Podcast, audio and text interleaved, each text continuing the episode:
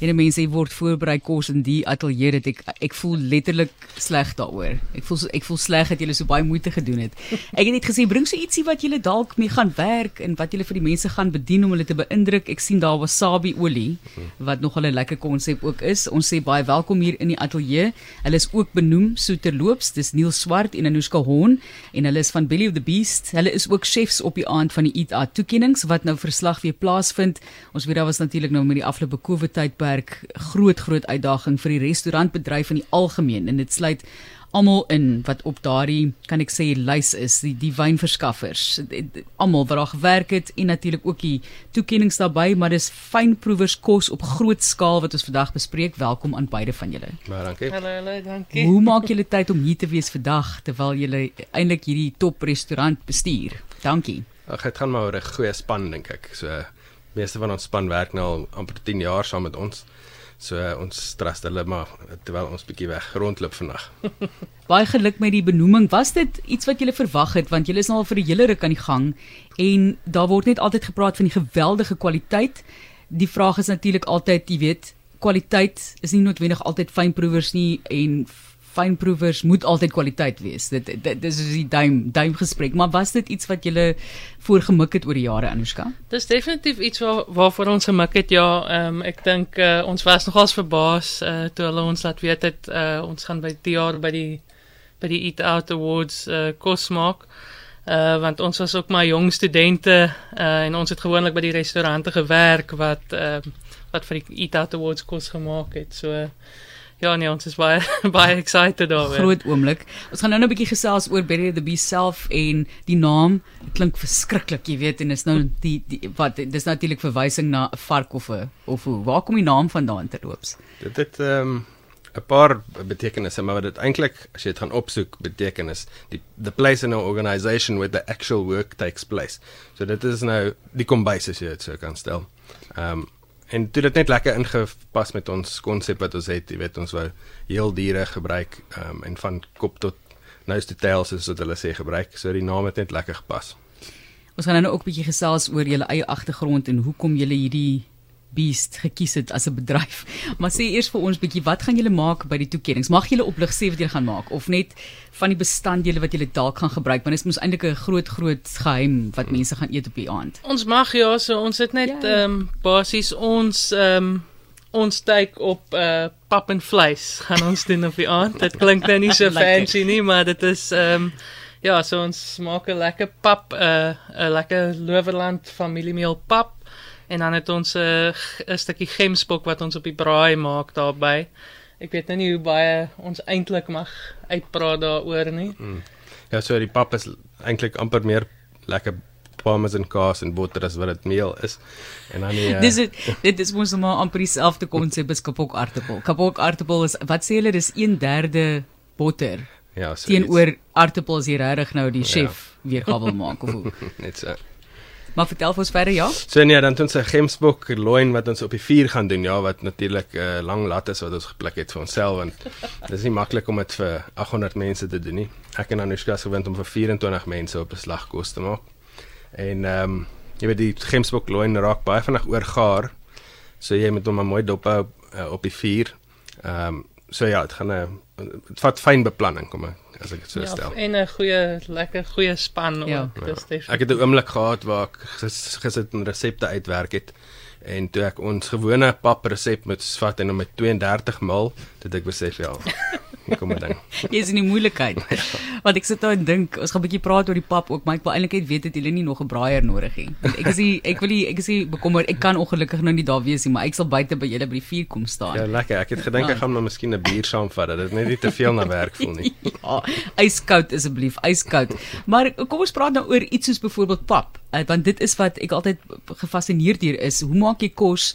Kyk en mooi lyk, nie net lekker wees nie. Dis hier mooi lyk is dis nou baie simplisties gestel. Mm. Maar om pap te maak, is dit 'n slap pap, is dit 'n krummelpap en watter pot maak jy om hoe lank kan hy staan? Dis al daai tipe van dinge wat 'n mens sekerlik in ag moet hou en dalk is iemand besig om te luister wat dit vir Kersfees wil maak vir 'n massiewe familie van 30, 40 mense. So dalk het jy raad vir hulle. Wel, ons leer self want ons is nie gewoon nou aan nie, maar uh, ek dink die geheim is in 'n groot pot en ehm um, die pap wat ons maak is amper soos 'n pappierry, so is 'n baie dunnerige, baie creamy smoothie smooth pap wat ons eintlik in 'n blender sit. Ehm um, so ons gaan nou maar sien hoeveel groot botte ons nodig het daarvoor. Ons sal vroeg volgende week begin die die goed gaar maak so stadig maar seker. Ja, ja en die ander ding is ook om hom lekker geroer te kry. Ek sit nou so en dink dis harde werk. Spiere nodig. maar ook in terme van die vleis, as ons maar praat van braai, jy weet, mens ek ek voel deesdae hierdie ding van braai stuk steak, want jy het nou lekker hoë kolle. Nou moet hy rus die een kant langer rus as wat hy moet en word bietjie warm gehou wat 'n mens nie wil hê nie en dan volgende doen jy nou dit en dan op die ou en jou braaibroodjies en dan sit almal nou vir 'n groot bord uh, kos om te eet. Ons eet deesdae meer van die kole af want dit is maar net wanneer jy met die beste smaak sit en die beste tekstuur. Hoe hanteer jy op so 'n massa skaal om byvoorbeeld vleis of koeroe of hoe dit ook al sy gaar te maak en nog steeds vir iemand voor te sit en dalk is daar nog 'n paar ouens wat sterk oor oor 'n warm bord kos voel, jy weet, jy weet nooit. So genoeg hande dink ek maak die maak die werk maklik. So ons sal maar ehm um, ons gebruik ook 'n paar triks soos om te sous vide wat jy um, ons gaan dit lekker in die marinade in 'n backpack sit en dan hy gaan hy in so lou wa warm water wat ek dink is 45 grade ja. Celsius is so dan is hy net eintlik perfek gaar. Dan moet jy hom nou net lekker vinnig op die warm kolle afseer en dan moet hy maar 'n bietjie rus ook en ek dink die rus sal ons eintlik help want soos wat hy rus sal ons begin die ander goed op die bord sit en dan sal ons nou omtrent 5 of 6 spanne hê, elkeen met 'n paar lang tafels en dan die borde afstuur en elke element word stuk vir stuk opgesit. 45 ja. grade is so is eintlik so afre. Ja. Né, nee, is mos eintlik 'n perfekte temperatuur En ek sit altyd en wonder, ek het onlangs was Sanne van Butcher hier gewees om te praat oor steak en om steakie beste gaar te maak en hy gaan toe vreeslik aan oor seweed of seweed. Reverse seed. Ja. Um, ja. om ag, agteruit te werk op 'n manier so stadige temperatuur of lae temperatuur 'n steak um, tot op 'n sekere punt te neem en dan verder te gaan. Is dit vir jou baie soos wat jy dit doen met sous vide Anushka? Ja, ek dink so dit is dit dit is 'n bietjie van 'n ander konsep want hierdie is ge, ge vacuum seal in in 'n in 'n marinade en dan ehm um, kom hy basies net tot in die middel op temperatuur. Ehm um, en jy seer hom dan nou weer weer na die tyd. Ehm uh, maar ja, so ek dink dit is maar die maklikste manier hoe ons dit gaan regkry om vir so baie mense kos te so baie mense kos te gee. Ons, ons gaan maar so nee gaan. Ons kort 120 kg se gemsbok loin. So as jy dit alles bymekaar sit, is dit nogal uh 'n hoopie vleis. So so jy moet selfs net dink aan groot genoeg containers om dit alles in te kry, jy weet. So dis 'n jy moet alles beplan tot in die fynste detail. Veral omdat dit ook daar is, jy weet jy met alles tot die laaste grein sout moet jy saam met jou ry. Daar's daar's niks by die venue nie. Ja. So ons moet dit reg fyn beplan. Ek is vir baie dankbaar want ek het nog nie vandag geëet nie. So ek is so opgewonde hierdie bietjie intermittent fasting wat mense doen. Wat het julle vir ons saamgebring net om 'n idee te gee vir mense van wat julle gewoonlik voorberei? Dis nou ook 'n stukkie ehm um, gemsbok. Uh, so ons gaan ook gemsbok maak vir die vir die uh, awards. So dit is 'n uh, gemsbok tataki. Ehm um, en dan het hy 'n uh, sesame en ginger mayonnaise, daarbey bietjie togarashi, 'n uh, ponzu sousie, 'n uh, bietjie vars koriander, wasabi olie en dan het hy die rice crisp uh, langs die kant om mense, ek kan nie daarbey te sit. dit is 'n perfekte hap in 'n mens se mond. dit is so so ongelooflik lekker en pragtig gedoen. In terme van die saamstel van geregte, hoe benader julle dit gewoonlik? Is dit 'n jy moet iewers oor see gaan, inspirasie gaan vang by 'n klomp restaurante of is daar net altyd 'n vloei van wat julle wil maak en dan ook wat die mense wil hê om te kom eet? Ons het nou gepraat oor afval byvoorbeeld van lig af. Ons, en jy het gesê jy mense probeer mense ooreed om dit te probeer, die wat nou nie hou van die idee nie en dan hou hulle nog af van so, hmm. daar's 'n fyn balans daar. Hmm.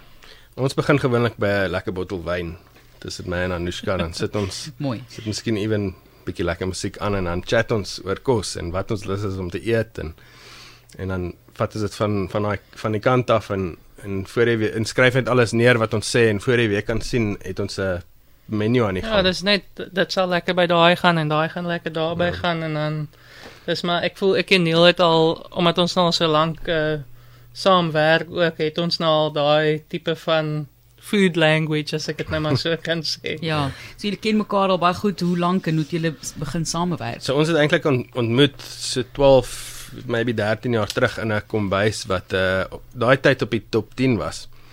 Ehm um, as studente en ja, ons het ek het actually daai jaar by die ETA Awards gewerk as 'n student. So dis nogal 'n crazy gevoel om om self deel te neem hierdie jaar. Ehm um, so ja, ons werk al van 13 jaar terug af saam. So dan ken jy die hele stelsel ook baie goed. So dis nie 'n verskriklike dit is 'n vuurdoop vir julle op 'n manier, maar julle ken die stelsel goed daar.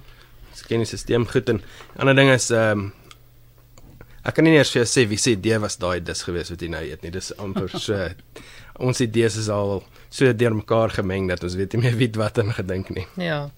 Dis so fantasties om dit te hoor. Dis so lekker mense, sê ek nou vir julle. Regtig baie baie lekker kos wat julle natuurlik voorsit. Hierdie ek sal dit alles eers is nogal 'n groot bord. Ek vra om verskoning vir almal wat luister. Ek het regtig mooi probeer. Vra vra maar vertel vir ons van wat eh, die konsep is van wat julle voor wat vir julle voorlê dan nou ook. Julle het nou hierdie toetrede tot die ITA toekennings, julle is benoem en ek wil sê mens hou vir julle duime, maar mens moet mos nou, jy weet, ook mooi ordentlik diplomaties wees. Wat lê vir julle voor as restaurant? So ons is ook nou ehm um, ons is baie excited. Ons is ook besig om uh, om 'n tweede restaurant oop te maak. Ehm um, wat naby aan uh, Belly of the Beast gaan wees. Dit is so half die dieselfde konsep as wat ons doen, maar ons gaan fokus op uh, local seekos daarso. So uh, ons wil definitief bietjie ehm um, net expand en ehm um, jy weet So ja. minder ja. minder vleis en die fokus dan meer op seekos. Minder vleis, meer seekos, ja, dit is ook so die restaurant ook uitdagend, ja. Hmm, sy naam gaan wees Galjoen wat natuurlik die nasionale vis is. So jy sal sien dat by Belly ehm um, het ons altyd 'n Suid-Afrikaanse inspirasie daar soos dat jy nou eet is 'n gemsbok tataki, mens kry amper die gevoel van sushi wat jy eet. Want dit is 'n rou gemsbok met hierdie ponzu en wasabi oil, maar dit is 'n venison loin wat jy eet.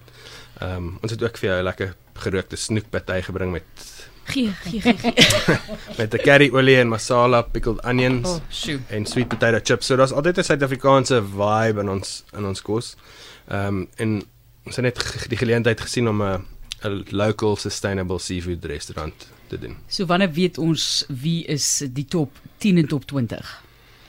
Ek dink hulle het dit bietjie verander hierdie jaar. So dit is al die jare die top 10 en die top 20 gewees. Ehm um, ek dink gedurende lockdown het hulle 'n bietjie gekyk daarna en hulle het dit meer verander in 'n 'n rating system. Ja, so dis 'n star rating system. So dink jy ja, jy kry 1, 2 of 3 sterre. Ja. Ja. So almal wat genomineer is, kry is ten minste 1 ster. Ehm uh, maar ons sal moet wag vir die aand om te hoor wie kry 2 sterre en wie kry 3 sterre. Ja, en dan dink ek ook daar's 'n paar ander awards wat hulle ook gaan uitgee. Ehm um, hmm in ander kategorieë. Wat baie ja. cool is want hulle include baie meer restaurante dink ek in die awards hierdie jaar.